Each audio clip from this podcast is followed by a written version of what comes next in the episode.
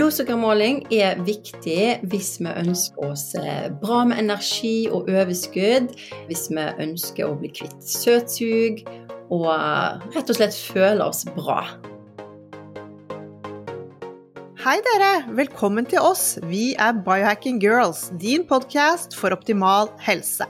Vi er to jenter bak rattet. Dette er Monica. Og dette er Alette. Vi er biohacking-kollegaer og legger sammen våre erfaringer og kunnskap for å inspirere deg til å ta fatt på biohacking for å optimalisere helsen din. Vi følger med og setter forstørrelsesglass på trender og siste forskning, og snakker med verdens toppeksperter innen trening, life coaching, helse og biohacking. Er du klar for å starte med konkrete hacks, lytte til din egen kropp og ta fatt på din helsemessige reise sammen med oss?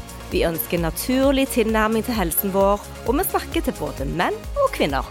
Du kan gjerne gi tilbakemeldinger til oss under podkasten her, og slå gjerne til med en god stjerne. Du finner oss også på Instagram og Facebook. Er du klar? Velkommen.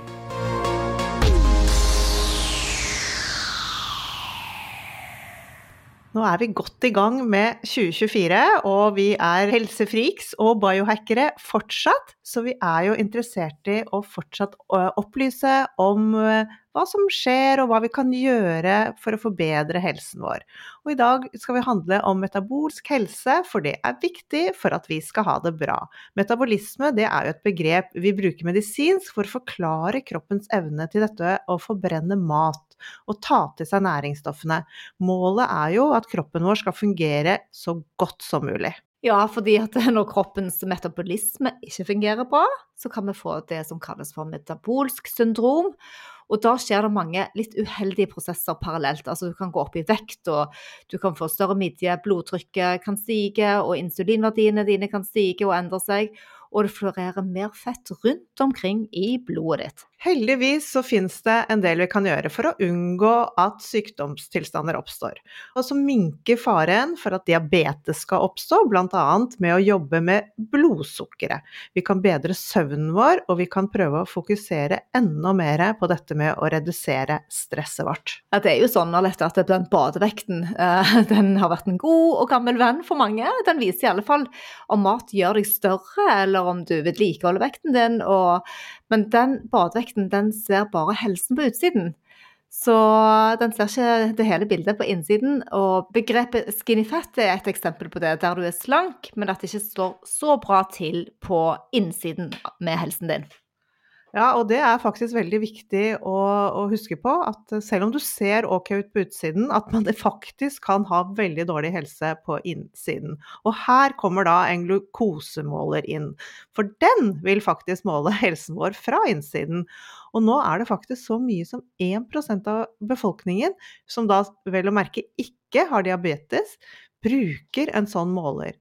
Og den hjelper deg til å se ting faktisk før vi blir syke. Det er derfor den er et viktig biohacking-verktøy for oss. Vi har gjort mange studier de siste årene på hva som påvirker vårt blodsukker. Og det kan hende at hvis vi hadde ignorert disse tallene, så ville vi hatt dårligere helse og lavere biologisk alder. Det som er litt gøy, da, det er å være sin egen end of one. Eh, det betyr som biohacker at vi forsker på oss selv. Og mange ganger så gjør jo det, eh, sammen òg, Alette. Men uh, når du er end of one, så forsker du kun som én person i dette studiet. Så det er jo litt lite, men tallene de er klare, og vi vet hva det er lurt å jobbe med. Og så uh, er det jo sånn at alle er forskjellige, så man må se på hver og en hvordan man kan respondere på de tallene du eventuelt finner på glukosemåleren. Og er det store svingninger i glukosen, kan vi utsette oss selv for sykdom fordi insulinnivået i blodet vårt blir høyere. Blant annet kan vi se dette på hjertesykdom. Hva skjer når vi faster? Når vi spiser både før eller etter et måltid? Hva skjer med blodsukkeret vårt? Vi må forstå disse peaksene eller toppene og se hva slags kost som påvirker de. Vi bør også komme innen to timer, må de komme helt ned igjen til baseline, og det er mange forskjellige ting som påvirker dette glukosenivået vårt. Trening, det har vi sett mange ganger påvirker. Badstue, kuldeeksponering. Insulinet og glukosen de snakker godt sammen, og dette er veldig lett å lese med en CGM. Ja, en kontinuerlig glukosemåler på norsk. Eh, hormonene spiller jo òg en rolle. Og bl.a. hvor du er i syklusen din, eller om du er på vei inn i overgangsalderen. Det kan bety noe. Og hva gjør leveren for hormonene? Generelt så kan man jo si at man har høyere glukose rett før du får mensen. Og det er fordi at østrogennivået ditt er lavere, som igjen leder til høyere glukose, og du får mer cravings. Og når østrogen er høyere, er det lettere for kroppen å lagre glukosen. Man trenger òg kanskje litt mer karbohydrater for å lagre progesteron, men det er òg individuelt fra person til person. Og hvis dere vil lære mer om det, så kan du gå tilbake og høre på den episoden vi hadde med dr. Mindy Pels. Det var episode 105, hvor hun forklarer dette veldig nøye. Og hvordan eh, kvinner f.eks. For er forskjellige fra menn, og at kvinner er kanskje litt mindre tolerante for karbohydrater. Vi må også se på hvordan kroppen vår er sammensatt. Da kommer vi litt tilbake til dette med sånn skinny fat. Det gjelder også muskler. Det er vanskelig noen ganger å se om du har muskler eller ikke. Kvinner har jo generelt mindre muskler enn menn. Så det er viktig at vi bygger mer muskler, og dette vil også bedre skjelettet vårt.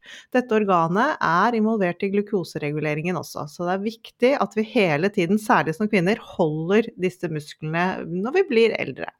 Du får bedre sensitivitet for insulinen, og da vil man også tåle maten bedre. Og så er det jo veldig gøy dette at man kan se det på at når du har trent og spiser da kanskje litt mer karbohydrater etter trening, så vil denne responsen bli utrolig mye bedre når vi har muskler på kroppen. Absolutt. Eh, men en annen ting er jo òg dette med toksiner, altså giftstoffer. Vannet vi drikker og alle disse kremene vi putter på kroppen, og parfymen kanskje. Eh, duftlys, altså alt dette med fake meat og ultraprosessert mat, det kan måles når uh, vi får for mye av det. En sunn kropp som ikke har for mye av det, den klarer å regulere dette fint av seg sjøl. Og vi kommer nok ikke unna stress her heller. Det er en viktig faktor. Når vi har høyere kortisol, som stress gir oss, så blir en liten kroppslig krangel inni oss. Og både søvnunderskudd og stress driver kortisol og glukosen oppover. Og ikke minst kan vi se dette på HRV. Det hjelper oss til å identifisere stresset. Er det kronisk eller relatert til andre faktorer? Men om du føler deg litt overlesset med info her fra oss, kan du trekke pusten dypt, fordi vi skal gjennom hele episoden snakke med en som kan veldig mye om blodsukkeret. Ja, det skal vi. Og hun heter Anja Hope. Hun er utdannet kostholdsveileder ved Tunsberg medisinske skole og studerer ernæring ved Oslo nye høyskole akkurat nå. Anja hun hjelper folk med insulinresistens og diabetes type 2, men òg personer som sliter med PCOS eller har lite energi, eller som lider av mye søthunger og søtsug. Hun har en helhetlig tilnærming og jobber med kosthold, bevegelse, stressmestring og flere andre faktorer parallelt. Velkommen til Biohacking Girls, din podkast for optimal helse. Kjære Anja, tusen takk for sist. Så hyggelig at du vil gjeste podkasten vår i dag. Ja, takk for sist. Ja, du var jo hos oss sist på Biohacking Weekend. Det var så koselig å se deg. Eh, og vi er jo litt spente på hvem av disse foreleserne du følte du lærte mest av. Ja, det var ikke noe lett spørsmål, egentlig. For det var veldig mange flinke og kunnskapsrike forelesere der. Men jeg hadde vel kanskje gleda meg mest til å høre på Mindy Pels og hun innfridde jo til de grader. Altså, for en energi på den dama. Og ellers er det jo veldig, alltid veldig kjekt å høre på Torkil Færø dele om sin kunnskap om HRV. Og så lærte jeg òg veldig mye nytt om trening av Tore Austad. Så nå har jeg da fått inn mye mer treningsøkter i sone to enn tidligere. Så det er virkelig noe jeg har tatt med meg nå fra den helga. Det er så gøy å høre at man faktisk får så, så, mye ut av det, og at man også benytter det. Én ting er å bare høre, en annen ting er å også implementere det i livet sitt. Så det, det var veldig gøy å høre. Ja, det, var, det var jo et knippe med bra forelesningsholdere. Men kjære deg, i dag så skal vi jo handle om blodsukker og målinger av dette for eh, en gruppe mennesker som ikke har diabetes. Vi snakker da oss vanlige, gjerne biohackere, som er interessert i å se hva som skjer på innsiden. Men før vi starter med det, kan ikke du forklare hva glukose er for noe? glukose det er jo et karbohydrat egentlig som fungerer som brensel og energi for alle kroppens celler, og òg som råstoff i produksjon av flere andre stoff i kroppen. Og enkelt forklart så er jo blodsukker den mengden sukker, eller glukose, som sirkulerer fritt i blodet vårt. Og glukose er veldig viktig for cellene våre. Eh, hjertecellene mine bruker nå glukose for å pumpe blod ut i kroppen. Og muskelcellene mine bruker nå glukose for at jeg f.eks. kan bevege hånda mi. Og glukose da får vi da hovedsakelig gjennom mat, og da fra stivelsesrike matvarer, sånn som brød og pasta. Eh, og fra søt mat, sånn som honning, banan eller en sjokolade. Men hva skjer når denne glukosen kommer inn i blodstrømmen vår, da? Når vi da spiser stivelsesrik og sukkerholdig matvare, da vil jo da blodsukkeret vårt stige. Og mye glukose da vil da gi oss en kjapp og stor blodsukkerøkning. Eh, og kroppen vår den vil jo ikke da ha for masse sukker i blodet. Og kroppene våre de har da en omfattende system som da jobber med at eh, blodsukkeret vårt skal holde seg på rett nivå. Og her er det jo òg en rekke hormon som spiller inn i denne her reguleringsprosessen. Og de to viktigste er vel insulin og glukagon. Så når det da kommer masse glukose inn i blodet vårt, så vil bukspyttkjertelen vår den vil skille ut hormonet insulin. Så da flytter sukkeret fra blodet, og så lagre det i muskler, lever og fettceller. Og i musklene og lever, der blir da glukosen lagra som glykogen. Og dersom det da blir et økt behov for glukose, eh, sier en må spurte, springe, trene, eh, da vil da dette glykogenet brytes ned, sånn at eh, glukosen blir frigitt i kroppen vår. Og kroppen den kan jo òg eh, produsere glukose sjøl gjennom en prosess som kalles glukoneogenese. Og dette kan jo dere masse om, dere som er sånn keto-coacher. Men eh, det har vært veldig mye fokus på glukosemåling og glukose de siste årene. Er det noe vi trenger å bry oss om, egentlig? Kan ikke kroppene bare jobbe sånn som de skal? Jo, jo hadde vi levd i en perfekt verden, så hadde det nok gått eh, veldig fint. Og hvis vi hadde spist den maten vi på en måte er skapt for å ete. Uh, men det er så masse andre ting som spiller inn òg, sånn som stress. Så det kan faktisk være litt spennende for oss som ikke har diabetes òg, å ha fokus på blodsukkeret. Ja, helt riktig. Og eh, vi mener jo faktisk at det er viktig for oss å måle tingene, for vi er biohackere. Så, eh, så, derfor er jo dette en viktig eh, stemme å få om glukosemåling og det som vi kaller for CGM, CGM. Og det har jo blitt mulig og lett å få tak i nå for ikke-diabetikere. Eh, kan du fortelle litt hvordan man får tak i det, og hvorfor det er blitt enklere? Ja, altså en CGM, altså da er da, som du sa, en kontinuerlig glukosemåler. Og da er det en liten sensor som en kobler på kroppen, da ofte på overarmen vår. Og denne her sensoren den har da en sånn tynn, nålignende tråd som en plasserer under huden.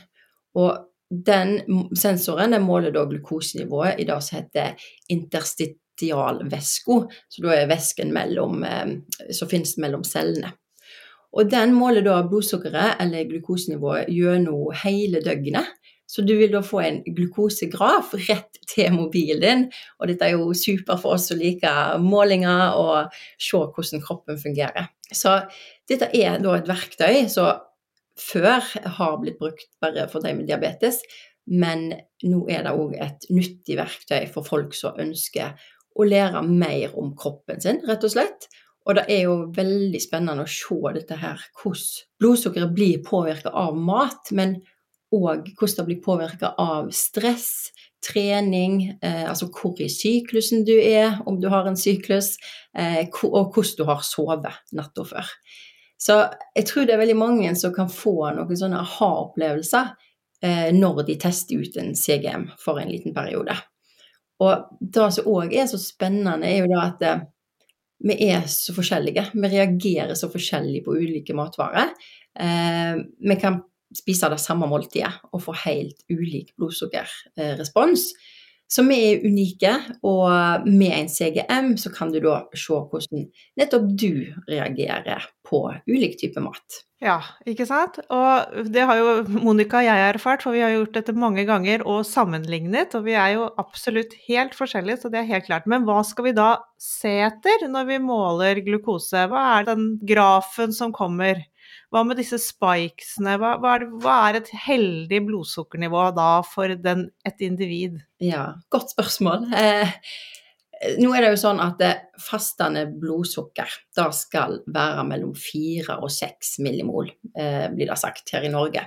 Eh, men det skal òg sies da at eh, flere andre land opererer med litt lavere verdier, eh, fra 3,9 til 5,6, tror jeg. Så jeg må se òg på dette fastende blodsukkeret i sammenheng med HbA1c, altså så da er langtidsblodsukkeret. Og den prøven den gir da informasjon om gjennomsnittlig blodglukose de siste seks til tolv ukene, tror jeg det er. Og mitt inntrykk er egentlig da at eh, vi er litt ulike igjen, at hvor sensitive vi er for disse her blodsukkersvingningene. Og Veri, så da er det et firma som selger sånne CGM-er, de eh, mener at eh, Eller de oppgir da at blodsukkeret helst bør holde seg innenfor 3,9 til 7,8 millimol gjennom dagen.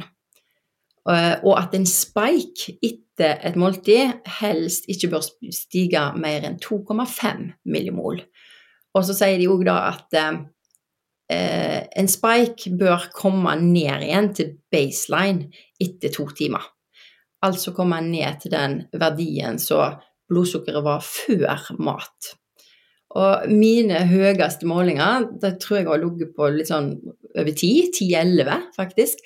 Og de har da kommet fra når jeg har drukket fruktsmoothie eller at jeg åt frokostblanding med et glass juice. Så på en måte er helt vanlig mat, men det har gitt meg en veldig stor spike. Da Glukose Goddess kom med boken sin for noen år siden, så ble det jo mer allment å snakke om glukose. Vi, vi snakket jo med henne på Instagram i lang tid før hun kom med boken, og da var det helt umulig å få tak i en sånn uh, måler. Men hun har selvfølgelig bidratt til at det har blitt mer allment, men er det andre faktorer som gjør at nå kan ikke-diabetikere få kjøpt denne måleren selv og monitorere sin egen helse. Hva er det som gjør at vi nå plutselig kan få tak i en sånn måler? Da vet jeg ikke om jeg har noe godt svar på, men det er jo kanskje da at vi er flere og flere som ønsker å optimalisere helsa vår.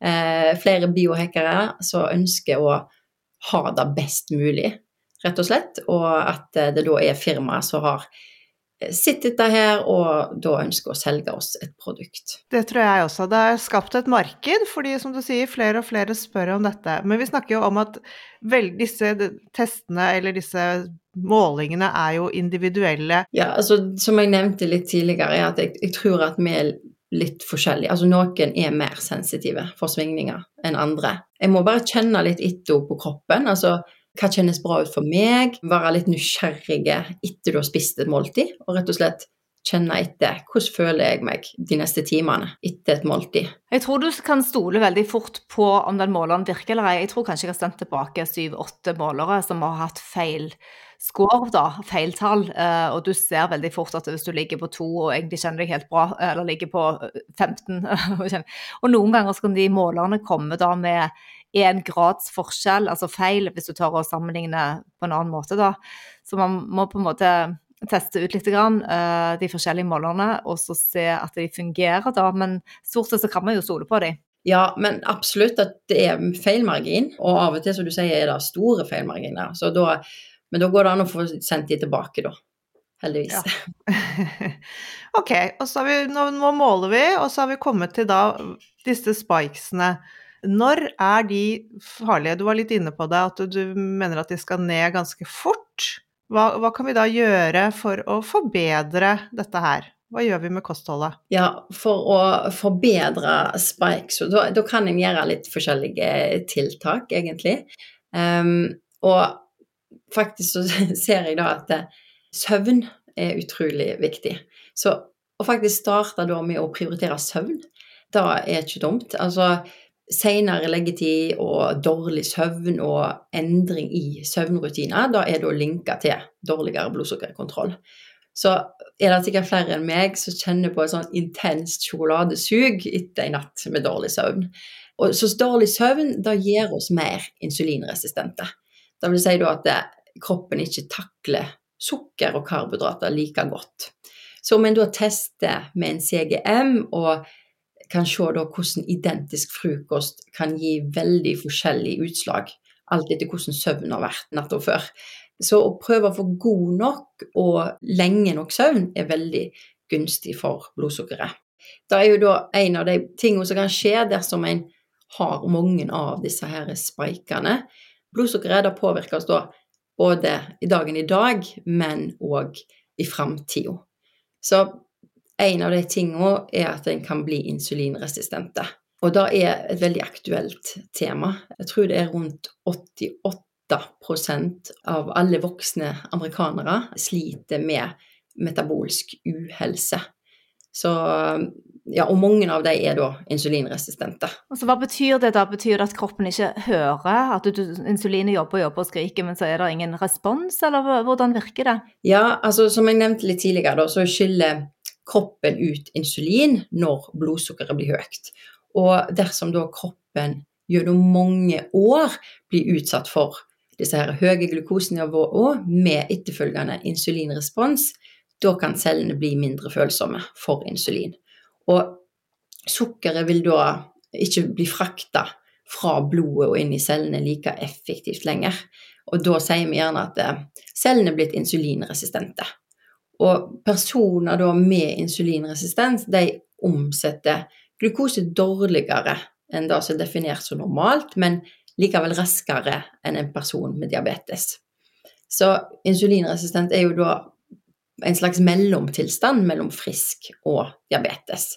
Og mange kaller jo dette her stadiet for prediabetes. Hvor lenge mener du at man går rundt og er resistent mot insulin før man får en diagnose? Nei, altså Iallfall ifølge en som heter Benjamin Bikeman, som er forsker på feltet.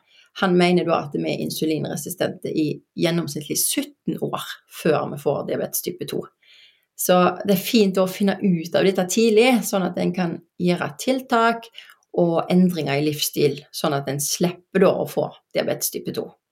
For det er jo sånn at eh, de fleste livsstilssykdommer blir både framprovosert og kan forverres av insulinresistent. Så dette er en tilstand vi ønsker å unngå, da.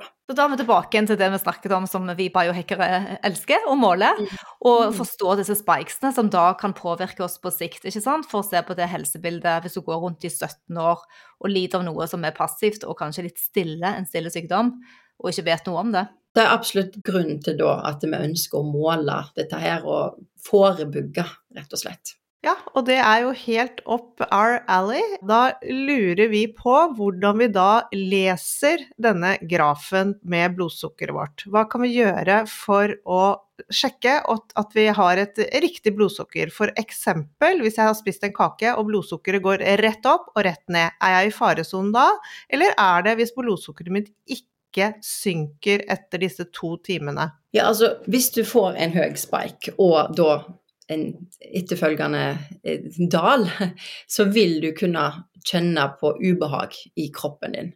Veldig mange kan kjenne på lite energi, eh, søtsug, matsug, når blodsukkeret går ned.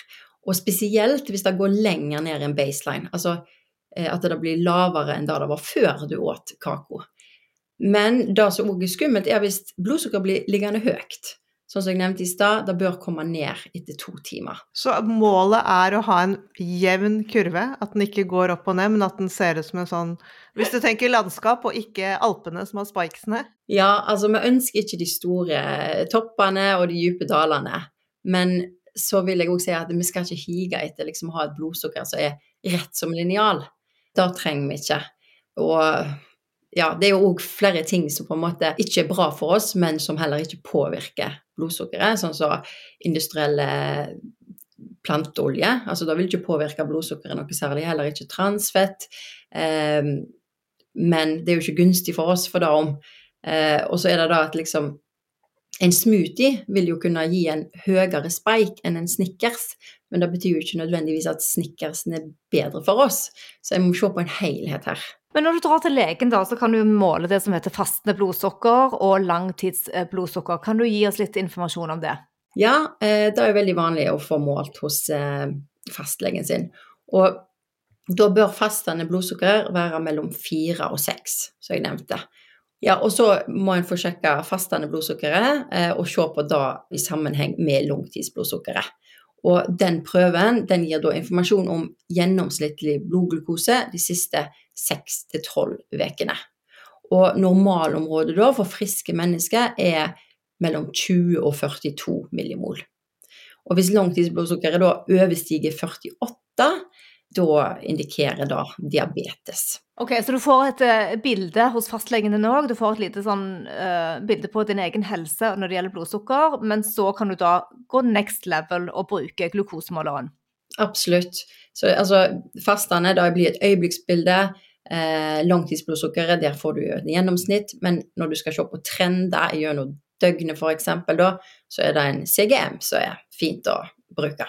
Ok, nå har vi sjekket, nå vet vi, nå vet vi, litt av hvert om dette blodsukkeret vårt, og nå vil vi veldig gjerne jobbe med tiltak, litt hacks, for hvordan vi kan da slippe å gå inn i diabetes 2, men da faktisk spise oss friske ved hjelp av en CGM. Kan du hjelpe oss her, Anja? Da kan jeg, vet du. Og jeg nevnte jo litt søvn, hvor viktig det er. Og en annen anbefaling, da er da å ete ekte mat. Og det er heldigvis mer og mer fokus på dette, viktigheten av å spise ekte mat og begrense da inntaket av den fabrikkproduserte maten som har blitt tukla masse med. Så spis ekte mat, heilmat, mat fra naturen, mat vi ser hva er. Det vil være veldig gunstig for blodsukkeret. Og så er det òg viktig å spise balanserte måltid. Og når jeg veileder kundene mine, så snakker vi alltid om hvordan vi best mulig kan bygge opp et blodsukkervennlig måltid. Og det trenger ikke være så komplisert, men for noen så må de kanskje endre mye av det de har tenkt er sunt. De må kanskje legge fra seg en fettforbi, og de må kanskje gi opp frokostblandinga som de har spist til frokost i alle år. Men når de da har prøvd å ete sånn i noen dager, så kjenner de ofte at kroppen føles bedre, og vi rapporterer òg alltid om mer energi og mindre cravings. Så spis alltid protein, sunt fett og fiber i lag med karbohydratene. Da får en et balansert måltid. Og en annen anbefaling da er det å prøve å unngå småspising. En har kanskje hørt at en skal spise ofte og lite egentlig for å holde blodsukkeret stabilt, men det er faktisk imellom måltidene at blodsukkeret er stabilt. Og om vi da spiser ofte, så vil jo da blodsukkeret hele tida bli påvirka. Så om en heller da spiser gode, balanserte måltid med ekte mat, med godt med protein, sunt fett og fiber, så vil en da automatisk slutte med småspising. Iallfall veldig ofte. For en heller seg mett lenger. Hvordan kan en sånn tallerken se ut, hvis du bare skulle si akkurat konkret hva som lå på den tallerkenen da, når det var fiber og fett og protein? Ja, eh, jeg kunne da starta med f.eks. en proteinkilde, eh, noe fisk, kjøtt, kylling eh, og noe fiber, grønnsaker eller salat. Ja, litt forskjellig. Og så en fettkilde òg, da. Um, som f.eks. avokado, eller litt smelta smør, eller en saus. Um, og så kanskje en liten karbohydratkilde, som søtpotet, quinoa, eller noe sånt. Mm. Og, og hvordan, ja. hvordan, spiser du den maten? Er det noen rekkefølge på maten da, eller? Ja, altså det òg er noe eh, en kan eh, For å optimalisere blodsukkeret enda mer, så, så, kan faktisk rekkefølge på maten ha innvirkning på blodsukkeret. Eh, og for å liksom få et mest, eh, best mulig blodsukker, så kan jeg spise fiber først. Eh, så grønnsakene og salaten først og deretter protein og fett, og så til slutt karbohydratene. Så si hvis vi snakker om tallerken, da, så spiser du grønnsaker og, og, salaten først, og så tar du da fisken eller kjøttet, og så til slutt så eter du quinoaen. Ja. Men det er jo ikke alltid dette her lar seg gjøre. Eh, men er du f.eks. på en hotellbuffé eh, og du har lyst på egg og bacon og litt båtpoteter og frukt, så kan det da gjøre lurt i å ete frukt og båtpoteten mot slutten av måltidet, f.eks. Ja, så vi tenker karbohydratene på slutten for å minske. Ja. ja absolutt. Mm. Og, og, jeg har litt flere anbefalinger òg, for altså Når vi snakket om dette med karbohydrater og hva tid vi skal ete ting, så at når du ønsker å ete noe søtt, sier du har lyst på et kakestykke, da, så er det lurt å spise det som en dessert etter et velbalansert måltid. For da vil blodsukkeret bli mye mindre påvirka enn om du hadde spist det på tom mage. Og dette kan jo òg være lurt å tenke på om en har unger i livet sitt, og la dem få lørdagsgodt da, etter middag, f.eks. Så òg et annet tips som nesten er litt for godt til å være sant, det er å drikke et glass vann med ei spiseskje eplesidereddik ca. ti minutter før et måltid. Eplesidereddiken den gjør at glukosen frigjøres senere, og at musklene våre tar det raskere opp. Så det betyr da mindre glukose i blodet og en mindre blodsukkerøkning.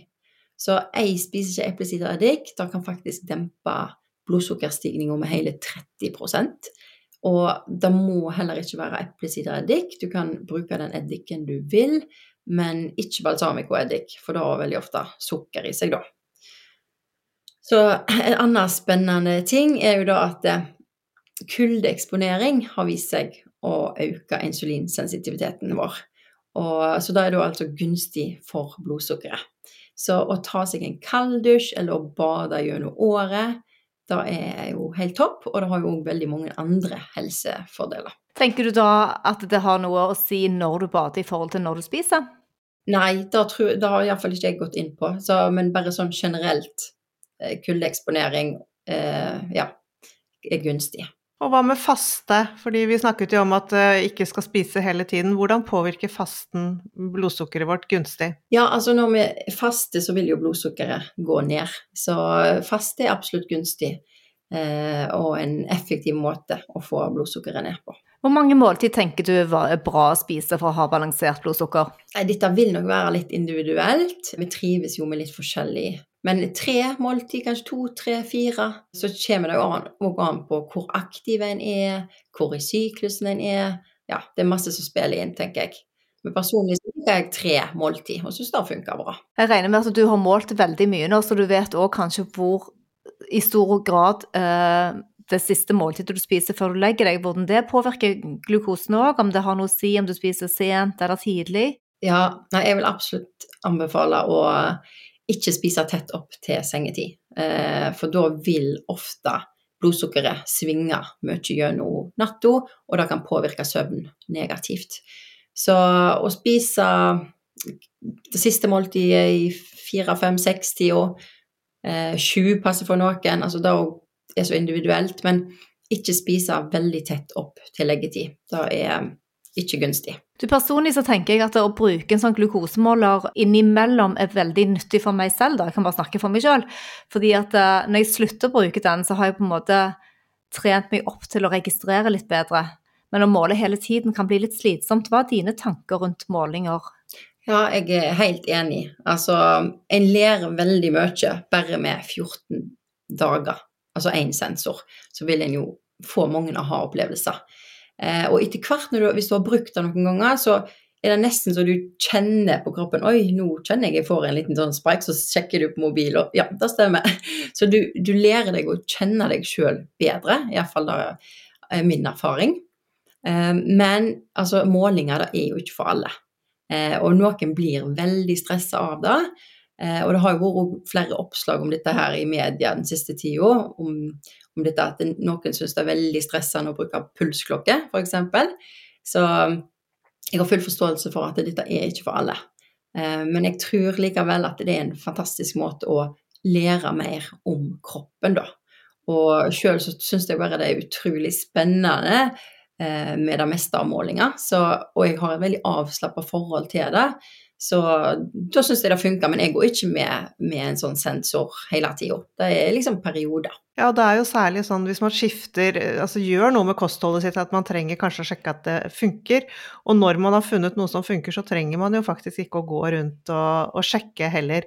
Men hvis man da har, får nerver av eh, å skulle drive og se på grafer og sånne ting, er det noe man kan tenke på sånn kjenne etter uten at man må måle det? Har du noen, eh, noen sånne ting som Oi, dette her med høyt blodsukker, kan man kjenne det? Ja, jeg, eh, jeg, tror at veldig mange kan kjenne det på kroppene. Og da er det spesielt dette her med energi.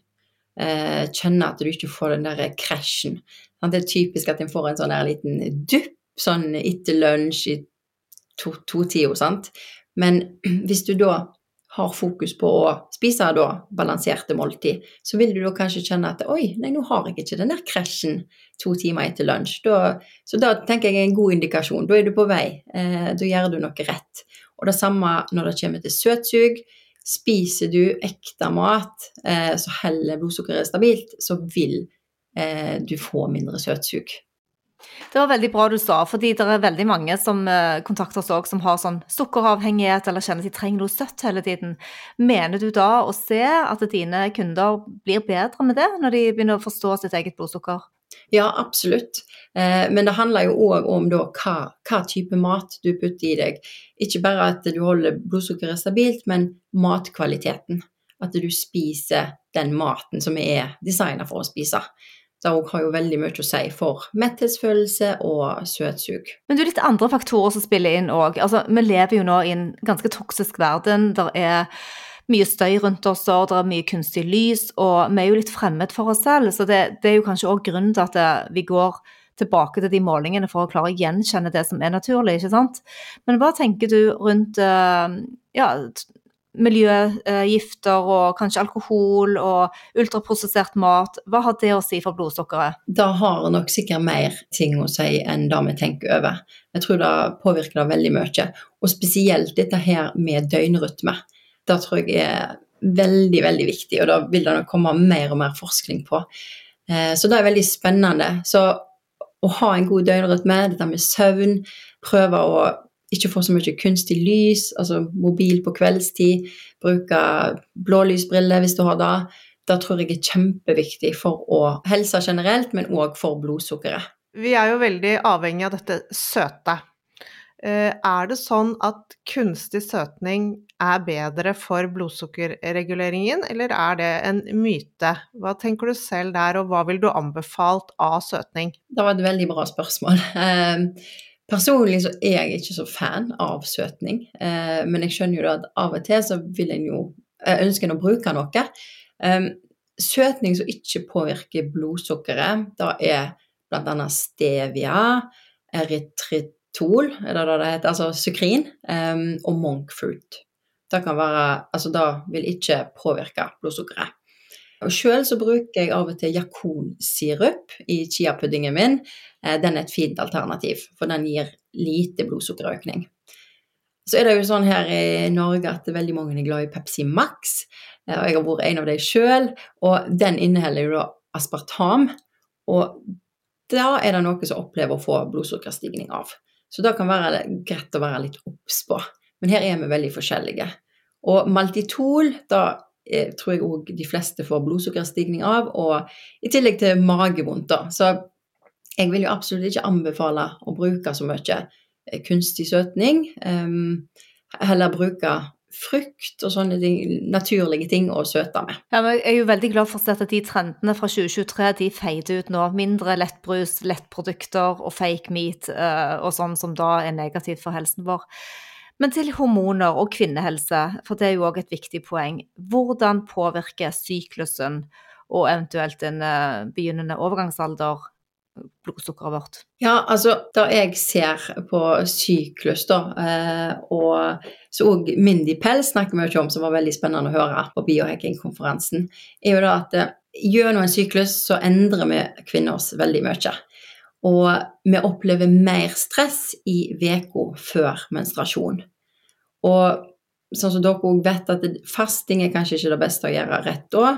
Og òg så ser vi at en faktisk trenger mer glukose i den perioden eh, for å støtte produksjon av progesteron. Så det er litt spennende. Og det er jo mange som opplever å få litt sånn søtsug i den uka før menstruasjon. Så kanskje er det en grunn for det. At vi trenger litt ekstra glukose i den perioden. Så istedenfor å hoppe ned i Candy King-posen, så ta heller prøve å ta litt mørk sjokolade eller litt søt frukt, f.eks., og prøve da å temme da, søtbehovet på den måten. Ja, det er interessant at det er fordi at man har lavere med østrogen, så trenger man mer sukker. Det er derfor man får de cravingsene. Og det forstår forstå sin egen syklus, det handler jo òg om eh, en bedret helse. Ja, men òg når vi snakker om kvinnehelse og blodsukker, så er det at det er en, en annen hormonpåvirkning da, som en kan få med høye insulinnivå, som vi var litt innpå i stad, det er at det kan gi økt produksjon av mannlige hormon hos kvinner. Og da er det linka opp til PCOS, som er et eh, syndrom som kan gi symptom sånn som vektøkning, sjenerende hårvekst, kvise, menstruasjonsforstyrrelser og fertilitetsproblem. Og faktisk så har to av tre damer med PCOS insulinresistent. Eh, så dette er veldig sterkt linka opp til blodsukkeret vårt. Og det er vel snakk om at det er en veldig stor økning av damer, jenter, som får PCOS. Og jeg ser òg veldig mange i min praksis. Er det noen som ikke bør bruke en glukosemåler? Ja, jeg vil tenke at eh, om du har på en måte et anstrengt forhold til mat og målinger f.eks., da vil jeg ikke tatt en sånn sensor på, på armen min, altså. For eh, du kan bli litt oppslukt, sant. Um, så da, jeg tenker at det da er ikke for deg. Vi snakket litt i innledningen om at uh, badevekten er jo en god helseindikator òg, for den viser jo hvordan uh, kiloen enten legger seg på, eller om du klarer å stabilisere vekten din. Men den sier bare noe om helsen på utsiden, mens måleren sier noe om helsen på innsiden. Og det er jo et fint bilde når man skal nå fortsette denne våren og, og ta fatt på helsebudskapet. Hva vil du si er det viktigste man bør fokusere på i et sånn helseperspektiv nå framover? Oh, godt spørsmål. Jeg er jo en søkker for søvn, det har dere kanskje skjønt. Så søvn, dagslys tidlig på morgenen, eh, så viktig. Og selvfølgelig eh, blodsukkervennlig mat, ekte mat. Eh, komme seg ut i naturen. Men òg dette her med sosiale relasjoner. Så viktig for oss for å ha det bra. Så nei, det er masse ting som spiller inn på Elso, og det er utrolig spennende å dukke ned i denne verden. Du blir litt sånn oppslukt. Eh, nei, så det, det, er så masse vi kan gjøre eh, sjøl for å få det bedre, og da kjenner jeg jeg brenner mye for. Men du, i og med at du er så opptatt av søvn, det er jo vi også. Hva er ditt beste søvnetips? Oh, ja, det er jeg spent på. Wow, ja, det, jeg klarer jo ikke å kortfatte meg. Det blir ikke ett. Det, altså, det, det blir nok da å legge seg til fast tid. Eh, stå opp til fast tid. Eh, dagslys. Tidlig. Eh, helt alfa og omega. Eh, og så òg slappe litt av på kvelden. Roe ned. Eh, kutte skjerm. Ikke alltid lett, eh, men da kan jeg bruke blålysbriller. Um, ja, og så er òg dette her med mat. Ikke spise tett opp til leggetid. Veldig bra tips. Dette, dette, blir et bra år hvis vi følger litt med på dette her. Men eh, nå helt til slutt her, hvor får vi tak i denne glukosemåleren? Det er sikkert mange som ønsker seg det. Hvor får vi tak i det? Ja, altså En kan jo bestille sikkert flere plasser, men en kan iallfall bestille på nett hos enten Freestyle Libre eller Veri. Eh, jeg bruker Veri fordi jeg liker appen deres mye bedre. Eh, dere har sikkert prøvd den. Eh, den er veldig brukervennlig og fin. Du får sånne fine grafer, så det er litt kjekt å følge med på. Og Hva koster en sånn måler, og du sier at den varer i 14 dager, ikke sant? Ja, de varer i 14 dager. Prisen er jeg litt usikker på, jeg ligger da på rundt 1000 kroner per stykk, lurer jeg på. Kan hende det steget litt, jeg vet ikke. Det har blitt så dyrt, ja. ja. ja. det er dyrt, altså. Det er kostbart. Det er det som er så dumt. Så vi får håpe at eh, prisen går ned litt etter hvert. At det kanskje blir mer konkurranse på markedet. Så vil eh, kanskje prisene bli pressa. Anja, det var veldig interessant å snakke med deg om blodsukker og gode helsevaner. Eh, hvor finner folk lytterne våre deg? En finner meg på Instagram under anjahope.no, og så har jeg òg ei nettside med samme navn. Og du holder kurs, ikke sant? Da gjør jeg. Nettkurs og har én-til-én-konsultasjoner. Supert.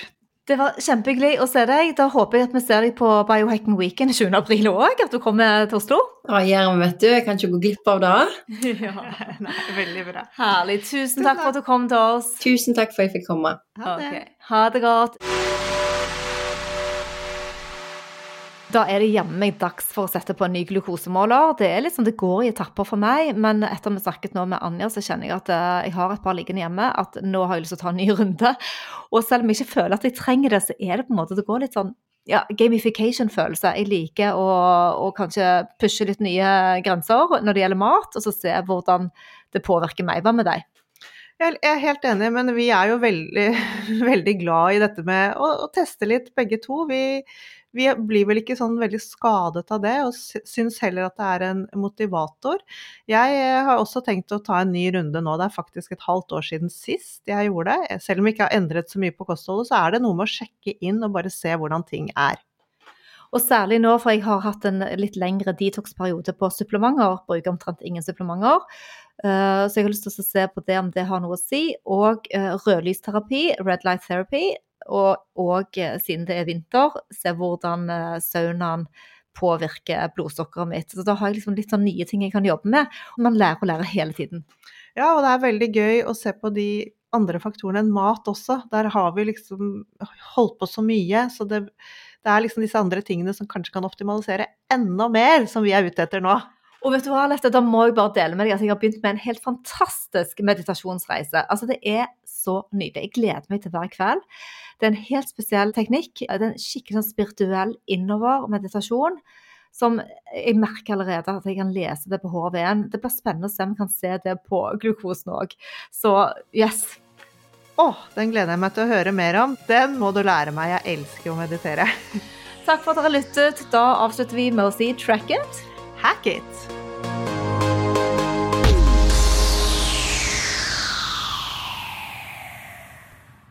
Vi minner om at dere må snakke med egen lege eller kostholdsveileder om dietter og andre spørsmål relatert til medisiner og supplementer. Informasjon vi deler, kan ikke bli brukt til å diagnostisere, behandle, forebygge eller kurere noen sykdommer eller tilstander.